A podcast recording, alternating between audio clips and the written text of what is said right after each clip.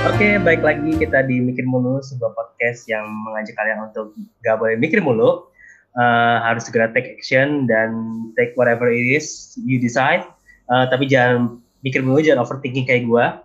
Uh, di sini baik lagi kita uh, bersama dengan Mas Ricci Wirjan uh, dan aku Mikael Situmorang yang baru aja uh, ditarik untuk jadi uh, MC untuk kali ini yang dadakan. Nggak dadakan tapi uh, much obliged dan dan sangat uh, deg-degan. Jadi maafkan kalau ada beberapa kesalahan. Jadi santai, santai Mek. kita hari ini mau bahas uh, quarter life crisis. Yep. Yep. yang mungkin Korici, Mas Ricci udah lewat udah lewat sementara aku masih di masa yang mungkin dibilang masih labil. Jadi jadi mungkin masih kerasa ini uh, mas, mungkin buatku masih kerasa uh, rada fresh tapi mungkin untuk uh, dari Mas Ricci mungkin bisa uh, sharing pengalamannya dulu pas lagi uh, jadi masih masih hot nih ya? buatku masih, masih hot, hot banget. Gila buatku masih hot banget sama ya teman-teman juga masih bingung. Ya udah gini dulu deh gini. Kita samain persepsi dulu deh. Kalau menurut lo ketika ini kan kita ngomongin soal quarter life crisis. Topik yang orang bilang um, ya umur 25 umur 23 sometimes ada bilang umur 30 gitu kan. Um, despite of the age ya umur berapa pertanyaan gue gini. Kalau lu ngomongin soal quarter life crisis lu nangkepnya apa sih? Kayak definisi lu soal quarter life crisis itu apa? Gitu. Uh, kalau buatku quarter life crisis itu uh, begitu selesai kuliah udah gitu bingung mau ngapain. Mm -hmm. okay. Itu itu itu uh, menurutku yang paling pas karena kan kita kan dari kita TK sampai SMA udah gitu kuliah kita kan kayak udah punya udah set goals nih kayak kita harus ya. lulus yeah. kita harus punya nilai kita harus dapat skor tertinggi tapi begitu kita udah dikasih kebebasan nih, udah lulus nih, semuanya udah tercapai, tiba-tiba langsung blank. Hmm. Oh iya, gue harus ngapain ya? Dan itu yang biasanya sering terjadi, apalagi di masa di umurku dan, dan aku sendiri juga merasakan begitu saya kuliah tuh, oh iya, kayak ngapain ya abis ini ya gitu, kayak nggak ada set hmm. goals lagi nih setelah selesai kuliah, nggak kayak waktu waktu masa-masa belajar gitu. Ya, oke. Okay. Terus sekarang lu umur berapa emang? Sekarang gue umur 25. Oke, tolong dicatat ya. Ini podcast kita bikin itu di tanggal 12 November 12 November 2020 dan lo umur 25 ya 25 lebih 12 hari lah oke oke okay. jadi kita akan siapa tahu lo mau flashback ya kan tahun depan oh iya ya. ini masih ini nih masih ini masih ya masih ini masih ini kan oke okay. mungkin kalau dari sisi yang point of view gue ya hmm. ketika kita ngomongin kayak quarter life crisis itu apa um, gua rasa salah satu kata kunci adalah soal um, kebingungan hmm. gitu ya atau mungkin mungkin bukan cuma bingung tapi kayak seolah-olah kita selalu ada di persimpangan jalan yang kalau gue udah milih itu seems gue nggak bisa balik lagi atau pilihan gue udah mutlak dan I have to move on with that gitu hmm. Hmm. jadi akhirnya uh, kita selalu apa ya gue pribadi jadi ngerasa kayak kalau disuruh inget-inget ya quarter life crisis kayak lu mesti milih dan soalnya kayak keputusan lu itu lu bener-bener kayak harus sempurna banget sehingga lu nggak regret ah, lu nggak ada penyesalan di kemudian hari gitu dan itu yang membuat hmm. keputusan hmm. atau si quarter life crisis masa-masa buat ngawat tuh kayak masa itu kayak kelam banget ya masa yang kayak kayak yeah. bingung banget ya mau mau cerita ke siapa bingung ya kan cerita ke hmm. teman yang seumuran dia mungkin juga sama-sama lagi bingung juga cerita ke bos bingung nggak nggak juga kan kayak secerita ke bos sih nanti dibilang wah nanti performanya pengaruh nih berarti ini lagi quarter crisis nih gitu kan wah nggak bisa ini nggak bisa Gawat. ini ya kan nah dan dan ngelihat kayak quarter life crisis gini oke okay. mungkin kalau gue boleh tanya ke lo ya Mik hmm? Terus yang lo lakuin sekarang apa gitu ketika it's good to know gitu bahwa hmm. kayak wah kayaknya gue lagi quarter life crisis nih hmm. tapi dengan lo tahu well, which is good congratulations hmm. langkah berikutnya adalah Jadi lu sekarang ngapain? Hmm. Gimana lu berusaha untuk meng menghadapi itu gitu? Kalau buatku sendiri itu biasanya aku set goals. Oke. Okay. Kayak istilahnya, uh, oke, okay, abis lulus kuliah, gue mau uh, kalau buat gue uh, itu bikin film. Uh, hmm. Atau uh, dapat kerjaan yang settle, yang istilahnya bisa nabung, udah gitu uh, supaya supaya bisa secure di masa depan. Itu itu yang paling basic banget, tapi itu yang works. Jadi ya udah aku aku ambil jalan itu Uh, okay. Cuma biasanya baik lagi uh, di umur kita mungkin karena kita kebiasaan comparing score dulu nilai-nilai kita di comparing kita jadi comparing kita kita balik bukan comparing score nih sekarang tapi kita comparing hidup kita sama hidup yang lain yang udah seumuran biasanya nih True. paling nggak jauh-jauh tuh dari teman-teman lagi biasanya hmm. dan itu biasanya uh, itu kurang lebih jadinya di diri kita tuh kayak set goals juga gue pengen kayak teman si A atau teman si B. Dan begitu udah kita, uh, di sisi satu lain kita achieve oke okay, good good for us. Tapi begitu kita udah ada satu yang gak achieve misalkan kayak uh, wah dia udah promosi sampai jabatan segini nih udah jabatan direktur hmm. nih kok gue belum sih? Nah biasanya dari satu comparison ini nih biasanya yang bikin kita kayak jadi di diri kita kayak kok gue belum kayak gini sih?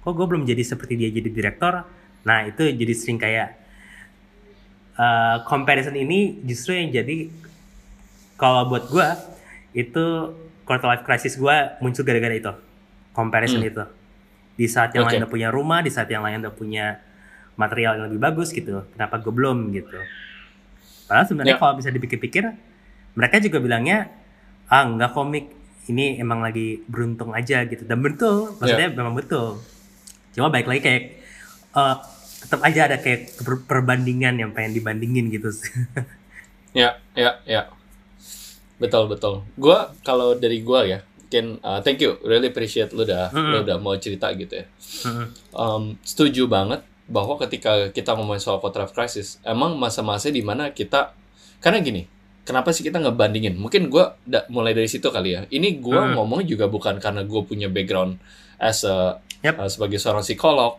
hmm. gitu ya. Tapi I would say uh, gue udah gue nggak bilang lebih pintar, tapi gue udah lahir duluan dari lu ya. Jadi hmm. mungkin hmm. gue udah ngelewatin beberapa tahun di depan lu. Gue nggak, gue percaya gue nggak sejauh itu. Uh, tapi kayak ngeliat bahwa karena gini, ketika kita ngomongin kenapa sih kita sampai mesti membandingkan karena satu sisi kita aja nggak bisa ngeliat sebenarnya posisi diri kita tuh di mana yep. jadi untuk ngeliat kayak kita bisa ngalamin masa-masa sulit ya kayak gini karena kita hmm. sendiri ketika evaluasi kayak kita juga bingung kita mau evaluasi standarnya kita apa hmm. karena kita nggak punya standar bahwa kayak kita nggak punya kita nggak punya set goal kita nggak punya tujuan kita nggak tahu kita mesti ke mana hmm. visinya apa nggak tahu abis lulus ya udah berarti kerja lah gitu hmm. dan karena kita nggak punya standar sendiri akhirnya mau nggak mau kita pakai standar yang lain dong yep. ya kan ya, karena kita nggak tahu gitu kayak emang seharusnya gimana sih dan hmm. lo akan mulai lihat ke kiri kanan dong ibaratnya kayak hmm. orang nyasar kan lo nggak akan jalan lurus terus karena lo tahu hmm. wah kayaknya ini salah jalan nih so yeah. lo akan mulai lihat kayak kayak harusnya jalannya nggak ke si ini deh dan lo start lihat kiri dan kanan dan lo mulai membanding-bandingkan gitu dan yang gue mungkin gue mau bilang ya buat bukan cuma buat lo Mik tapi juga buat semua uh, pendengar yang mikir mulu bahwa um, it's good to know sangat baik ketika lo bisa sadar bahwa kayak lo bisa bilang gini kayaknya gue lagi ngalamin quarter life crisis hmm. so that's a good start gitu kenapa hmm. karena dari situ lo berarti udah mulai um, ngejejekin kaki lo untuk bilang kayak I think there is something wrong yang gue harus selesaikan. Yeah. So it's a good start. Hmm. Nah, terus kalau kayak gitu lo mesti ngapain berikutnya? Dan ini kan jawab, ini pertanya uh, pertanyaan dan jawaban yang bisa dibilang klise, ya kan? Hmm. Karena yeah. ini bukan kayak matematika yang kayak oh kalau misalkan uh, satu di uh, misalkan ya 10 dikurangin isi kolomnya sama dengan 7 Hmm. Maka lo bisa dengan jelas kayak oh pertanyaannya 10 dikurangin berapa supaya 7? Yeah. Jawabannya adalah 3. Yeah. the problem is in this quarter life crisis aspeknya banyak mm lo bisa ngomongin dari kerjaan bahwa kayak karena lo ngeliat teman-teman lo yang kayak gila ya mm. jabatan jabatan dia kita seumuran nih sama apalagi yang pressure tuh gini. Sama-sama lulus teman sebangku gitu ya. Dianya udah di mana terus kita kayak gila ya. Iya. Kan kita sekelas bareng kayak kayaknya ya. Kok dia udah bisa kayak gitu gitu. Kan or even in, ya or even in, in in family gitu. Misalnya kayak bisa lo punya adik gitu kayak hmm. gila adik gue hebat juga dulu gitu ya terus dan hmm. you start to sing yourself kayak kok gue kayaknya apa yang salah sama gue ya hmm. dan menurut gue banyak aspek itu ngomongin keluarga ngomongin pekerjaan iya, ngomongin yeah, keuangan satu. salah satunya hmm. gitu dan aspeknya banyak gitu dan ini yang membuat ceritanya orang-orang soal quarter life crisis I think it's hmm. quite different gitu banyak hmm. banyak banget hmm. nah gue akan mulai dengan apa ya ceritanya gue dan gimana gue mencoba menjawabnya tapi gini boleh ini nggak bisa dijadiin patokan ya ini buat pendengar ya teman-teman semua ya ini nggak bisa jadiin patokan bahwa kayak oh caranya Richie begitu ya ya udah gue ikutin deh hmm. karena baik lagi ini yang terjadi sama gue dan bisa jadi berbeda but yeah. I I will share the story and I'm being honest hmm. oke okay? dan hmm. What happened adalah gue momen gue quarter life crisis I will say ketika gue umur uh, 29 dan 30-an masa di mana di gue gue ngeliatnya gini. Um, I build I build a business namanya Credence barengan sama partner gue kita udah jalan lima hmm. tahun lebih. Uh, puji Tuhan kita di uh, berkahi dengan klien-klien yang besar-besar. Uh, kita yep. menang global awards gitu ya.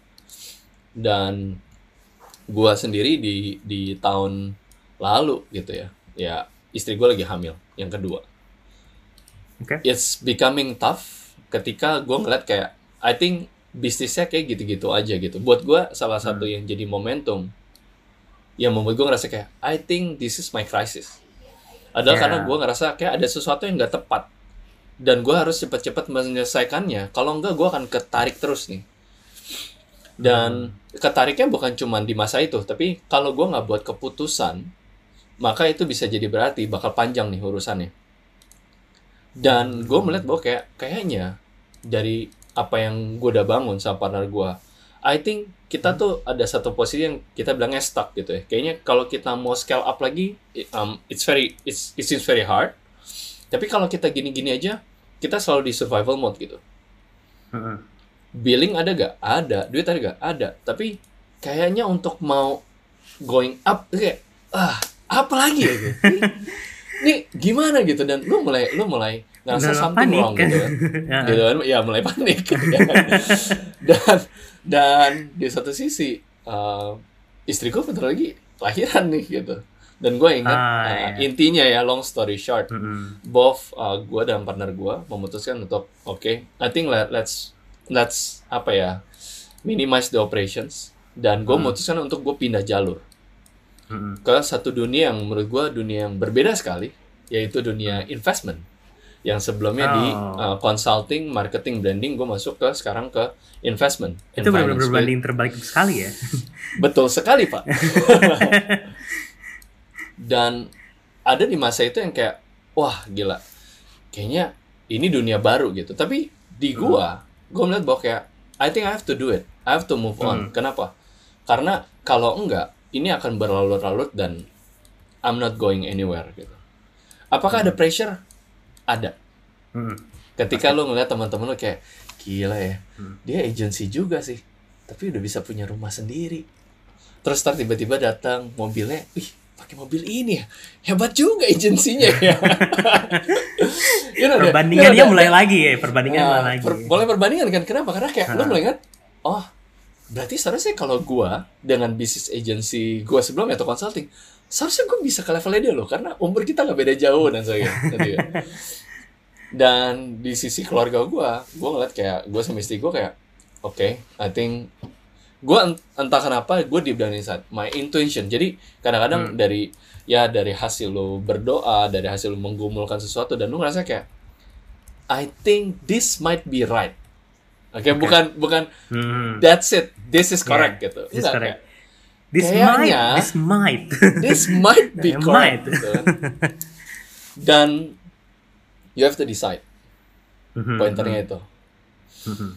dan ya udah di sinilah saya setelah setahun bergumul Mhm. masuk ke dunia investment yang tidak mudah Yep. puji Tuhan now I'm managing uh, 30 million dollar US money. Keren banget. nah nah ini nah ini nih Mik nah ini dia nih Mik nih respon lu begitu kan? Heeh. some people orang dan gue juga ketika gue ngeliat sekarang kayak wah gue manage uh, USD 30 million dollar gitu. Kayak di luar kayak uh keren banget gitu. Di mata Iya. gue heeh. gue gak ngerasa kayak gue gak ngerasa itu kayak something yang wah keren gitu. Kenapa? Karena gue starter. Gue orang baru dan this is Hmm. this is my my price to pay gitu harga yang gue mesti bayar untuk bisa ngelewatin ibaratnya selama setahun ini yang menurut gue it, it- it's it's not that easy gitu Yep. Nah, apa yang gua tangkap gitu ya dari yang tadi gua bilang dari awal soal kebingungan dan sebagainya adalah ketika lu buat keputusan seperti ini Mhm. Bisa jadi ada masa lu akan dibawa bayang-bayang bahwa kayak men- lu ada masa guilty atau lu regret gitu kayak apakah gua membuat keputusan yang benar atau enggak? Lu pasti akan ngalamin itu. Gua setelah setahun pun selalu ada bayangan seperti itu kayak apakah gua membuat keputusan yang tepat? Gitu. Pertanyaan itu akan muncul walaupun gua udah memutuskan gitu. Tapi nanti setelah selang beberapa waktu if there is something happen yang entah lo lagi down entah lo lagi nggak apa dan pertanyaan itu bisa jadi muncul lagi gitu. Mhm. Mhm. Betul. dan enaknya adalah lo bi lo bisa menjawab kepada diri sendiri bahwa kayak ini keputusan gua and I have, and I have to move on Ah, oke. itu yang betul, membuat lu bisa bergerak kenapa karena lu udah pindah tempat Mhm. ketika lu selalu ada di posisi yang kayak lu selalu diseret dengan perbandingan sama orang lain lu nggak pernah merasa bahwa lu membuat keputusan untuk diri lu sendiri kenapa Yep. karena standarnya di orang lain Ya, nah kita kayak set standar, kita kayak Yes. set batas. Oke, apakah kita boleh set standar buat kita buat kita sendiri boleh you want to set a high standard silakan but Mhm. please manage juga kemampuan lo untuk menjaga ekspektasi lo. Mhm. Betul. Kalau gue pindah, berarti gue akan ada ngalamin resiko seperti ini, ini, ini. Salah satunya adalah kayak ketemu orang, pertanyaan adalah kayak, wih, company yang lu sebelum gimana? Tutup. Wah, gagal dong lu. Nah, that's always been um, apa ya salah satu ya pertanyaan yang muncul. Tapi buat gue kayak, well, um, I'm learning gitu. Yep. Betul. I'm not failing tuh kayak I'm learning gitu this is my this is my school of life gitu Mhm. so ketika kita bisa memutuskan kalau kita punya mindset yang tepat then things start to be better dan ketika ngalamin quarter life crisis kayak gini kayak bener nggak Mhm. gampang kok gitu. Dan walaupun udah setahun berlalu kayak this kind of feeling kayak guilty um, apa ya kejayaan masa lalu yang rasa-rasa kayak gitu lo akan ngerasa kayak kayak memanggil gitu. Tapi remember kayak you have to move on. Kenapa? Karena this quarter life crisis Yep. semua semua orang akan ngalamin Uh, despite of time kayak masalah waktu kayak wah enggak yang enggak enggak selalu kayak lu umur 23, 24 terus kayak lu tahu wah tahun depan nih 25 wah gue bentar lagi quarter life crisis enggak enggak enggak gitu juga sih Enggak, enggak gitu juga, enggak gitu juga. nggak gitu juga cuman kayak lu akan makanya itu gue gue bilang tadi penting banget dan bagus banget ketika lu bisa bilang bahwa kayak this is quarter this is my quarter life crisis. Dan gue harus you need to fix it Hmm. harus segera diselesaikan gitu Betul. kalau enggak lo akan terus ke bawah Kita jadi kayak Perasaan-perasaan yang- bawa tuh. Mhm. istilahnya ghosting ya jadi kayak Yep. lo akan selalu ngerasa kayak ketika lo bangun gitu dan lo akan ngerasa kayak ah gue bener gak ya ngelakuin ini gitu Yep. Mhm. you know dan it's dan itu lebih lebih capek dibandingin ketika oke just choose gitu ya just choose your decisions gitu kayak lu lu memilih apa and do it gitu Hmm. kenapa toh apakah itu akan regret atau guilty lo akan taunya nanti Mhm. Betul. gimana Oh, Bre. oh man, uh, this aku, is hard man, hard to chew. Aku aku, yeah, aku mau cerita dari sisi aku. Thank you. Uh,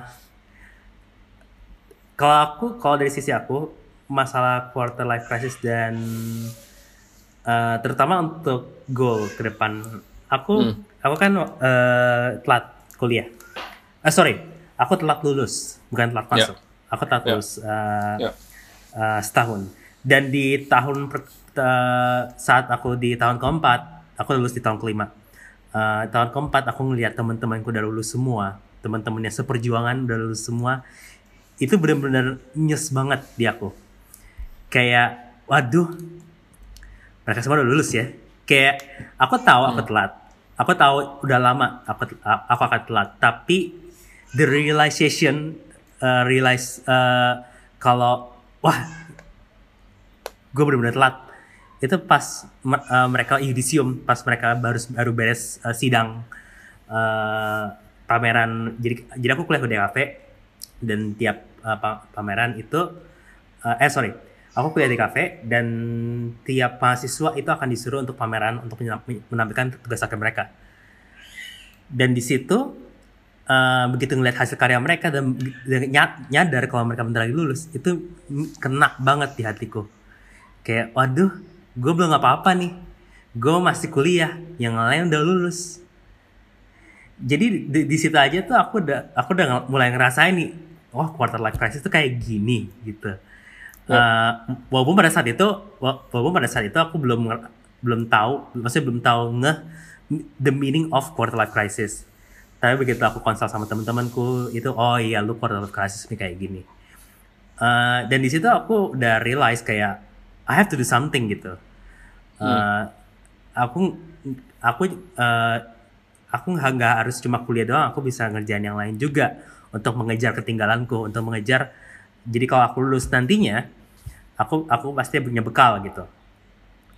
Dan puji Tuhan, ya, eh, puji Tuhan uh, untuk di setengah tahun aku pas setengah tahun aku kuliah aku udah gak ngalamin namanya jealous walaupun itu mulai beberapa uh, melalui beberapa proses yang uh, yang berat dalam hati yeah. dalam diri hmm. Karena harus melawan rasa itu yang gak gampang. Tapi begitu nyampe ke empat setengah tahun di mana aku udah mulai siap siap untuk bikin tugas akhir di situ tuh aku udah kayak settle. Hmm. kayak ya udah deh kalau emang telat ya udah telat. Uh, toh juga nanti aku nyampe kesimpulan kalau toh nanti waktu uh, aku juga akan dapat kerjaan gitu. Aku juga akan dapat yeah. gimana uh, gimana rasanya bekerja di dunia profesional itu uh, dan sampai sekarang untungnya aku kerja di Fosware aku bisa ngerasain gimana rasa kerja profesional. Dan memang setelah dilihat lagi aku ya aku telah setahun tapi aku ternyata nggak ketinggalan ketinggalan banyak. Aku masih bisa belajar seperti layaknya teman-temanku yang udah lulus uh, empat uh, yang lebih cepat dari aku dan aku juga tahu rasanya oh seperti ini dunia dunia profesional.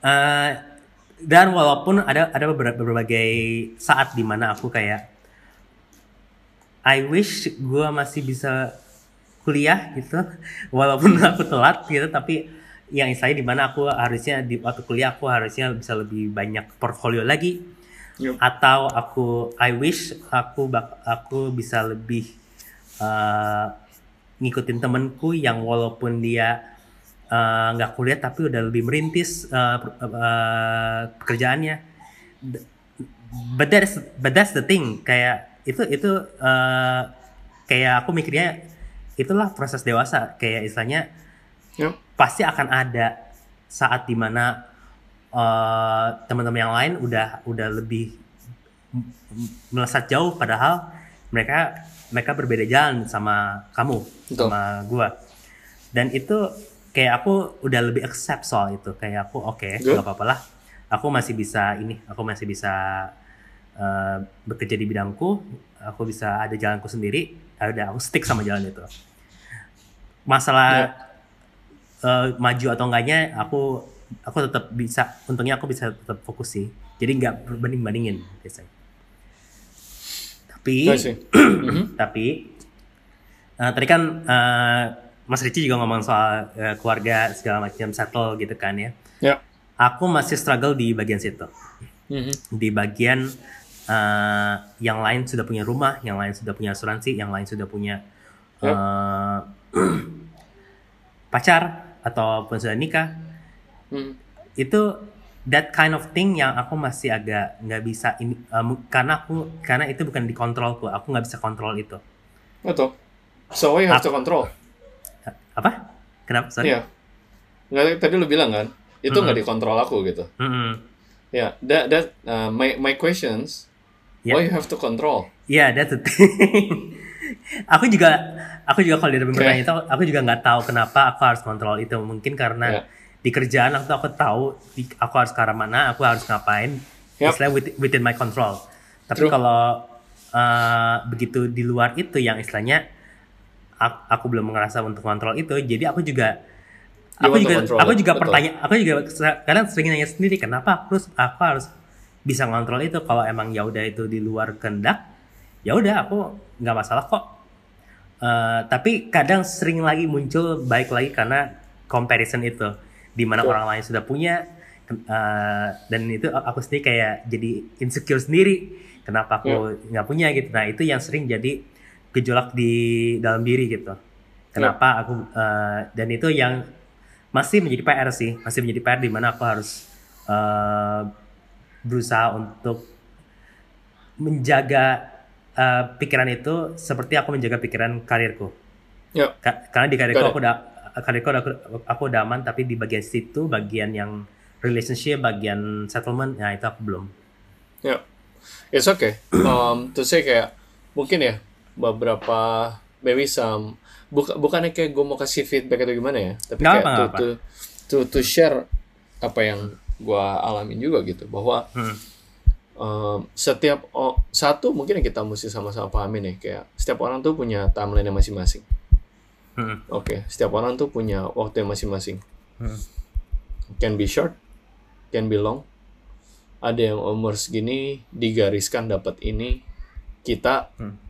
Umurnya masih nanti deh baru bisa ini gitu. Hmm. But as a, ya gue boleh bilang ya, as a millennials ataupun bahkan lu hitungannya sebagai, lu Gen Z berarti kan? Ada Gen yang bilang milenial 95 sih. Oh, lu 95 ya, lu hmm. gantung berarti emang. Eh, generasi-generasi gantung begini nih yang yang selalu merasa hidup ini nggak karena uh. karena gini gini karena gue nggak tahu gini um, kita tuh selalu kebiasaan namanya um, apa ya the, the, the hustle mentality. Kayak itu yang selalu orang ngomongin kayak eh kita masih umur segini kita masih lu masih muda main hustle lah hustle hustle hustle hustle gitu. Kayak nggak nggak ada istilah kayak tidur nggak ada istilahnya kita having fun enggak uh, hmm. sekarang tuh hustle gitu. Sekarang tuh masa kita menderita dulu uh, disiksa kubur gitu kan. Jadi uh, nanti baru pas udah lu umur 40-an umur 50 lu baru menikmati hidup gitu. Hmm. uh, to say that it's a it's a bullshit gue bilang kayak itu mindset yang salah. Hmm. kenapa? Karena kayak even you can enjoy life in your 20s gitu. Kayak you can you can enjoy bahwa kayak for example kayak sekarang you have jobs. You work. Someone out there hmm. lagi menangisi apa yang lu punya hmm. Kayak you you hmm. lu masih bisa bertanya kayak lu masih bisa komplain untuk sesuatu yang lu punya di saat orang lain bahkan mengharapkan yang lu punya yeah. kayak aduh bosku begini gitu gitu hey maybe out there someone expect kayak aduh gue berharap gue punya bos means kayak gue baru punya kerjaan gitu yep.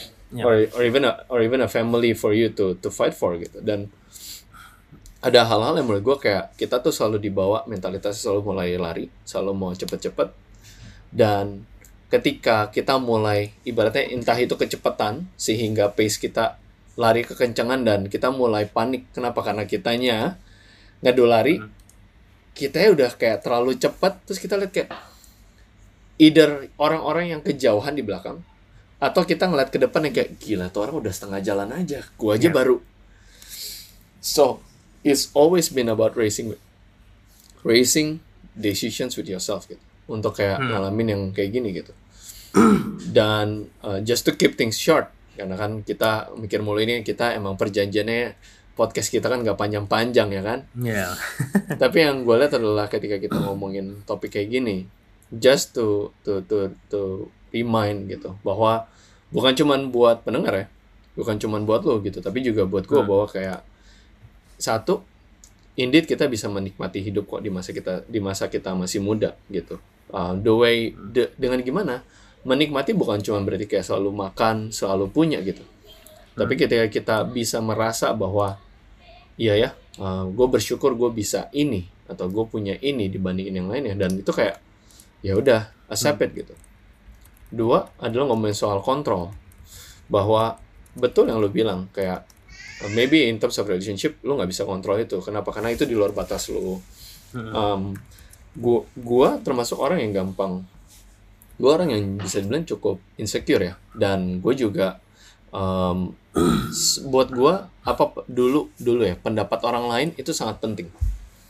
Jadi kalau misalnya ada omongan yang buruk soal gue buat gue kayak ah masa sih? Oh berarti gue udah salah dong. Dan gue mulai bisa tertekan dengan hal-hal seperti itu by having a con by having control by means kayak lu hanya bisa mengontrol yang lu bisa kontrol mm. uh, cara lu berbicara cara lu menyapa orang cara lu mengungkap uh, mengungkapkan pendapat lu mm.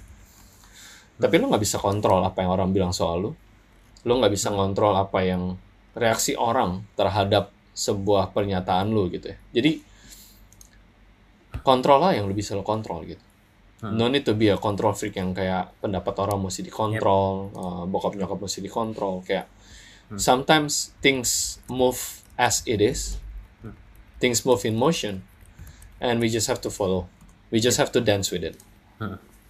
Gitu. Dan yang terakhir adalah ketika tadi ngomongin soal compare, ngomongin soal control. Menurut gua to pass this untuk bisa ngelewatin si quarter of crisis ini adalah dengan ngelihat that this is the battle between you and yourself sebetulnya. Hmm. Selalu kayak ngeliat kayak ini sebenarnya kompetisi sama siapa sama diri lu sendiri.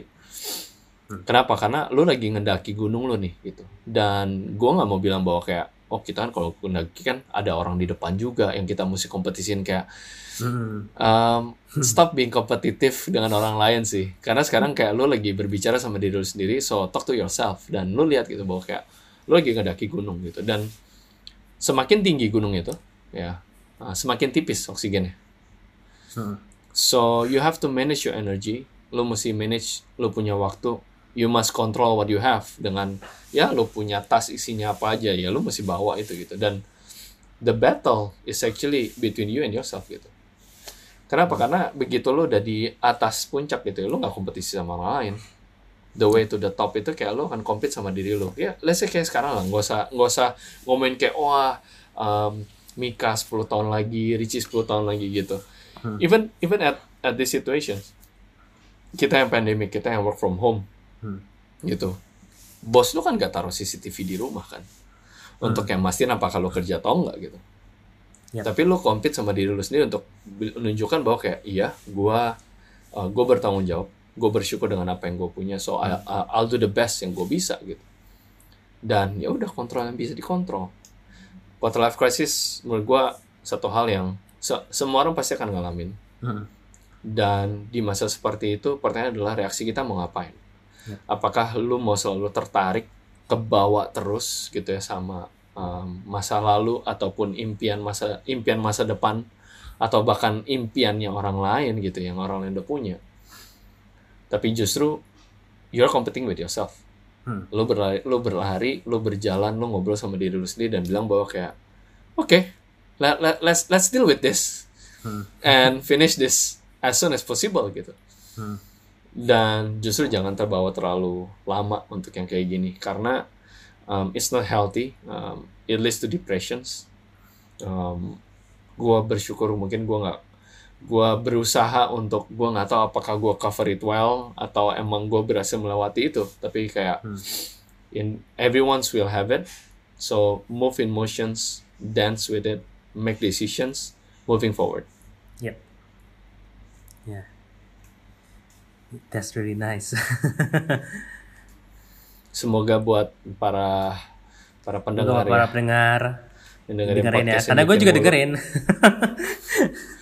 so this episode karena, kayak bener-bener mm, ya gimana Mik? Karena maksudnya aku aku juga mikir kalau misalkan ke depannya tuh maksudnya nggak cuma quarter life crisis doang karena karena kayaknya bahkan setelah itu tuh pasti ada rintangan-rintangan lagi kalau misalnya kita ngebanding-bandingin terus gitu uh, setelah True. setelah setelah quarter life uh, either itu pas maksudnya aku mikirnya pas lagi sudah nikah atau sesudah punya anak who knows yep. gitu kan setelah anaknya sudah dewasa gitu kan itu pasti ada beberapa perbandingan lagi kalau misalnya kita mau bandingin gitu pasti ada ada Betul. lagi gitu selalu True. ada pasti dan itu yang harus sebenarnya memang betul sih uh, mungkin easier said than done tapi dan mungkin kelihatan klise tapi memang pada akhirnya ya kita uh, berdamai sama diri sendiri yang di mana aku masih berusaha untuk uh, yep. berusaha untuk uh, berdamai dengan diri sendiri juga Uh, tapi di sini kita juga harus tahu kalau uh, memang pada akhirnya seperti yang tadi Mas Ricci bilang kalau uh, ya kita, apa kita masih kompetisi gitu. Mungkin memang pada dasarnya kita dari sebagai sebagai human being mungkin dari awal kita udah punya sifat kompetisi ya makanya kita selalu membanding-bandingkan diri gitu. Tapi uh, I don't know, I don't know. Um, itu itu hanya teori aku. Tapi pada akhirnya kita juga di sini kan kita nggak berkompetisi pada akhirnya gitu. Karena semua orang juga punya uh, rintangannya masing-masing punya jalannya masing-masing. That's correct. Betul sekali. So mari kita akhiri saja perbicaraan ini. Mari kita akhiri demi, saja.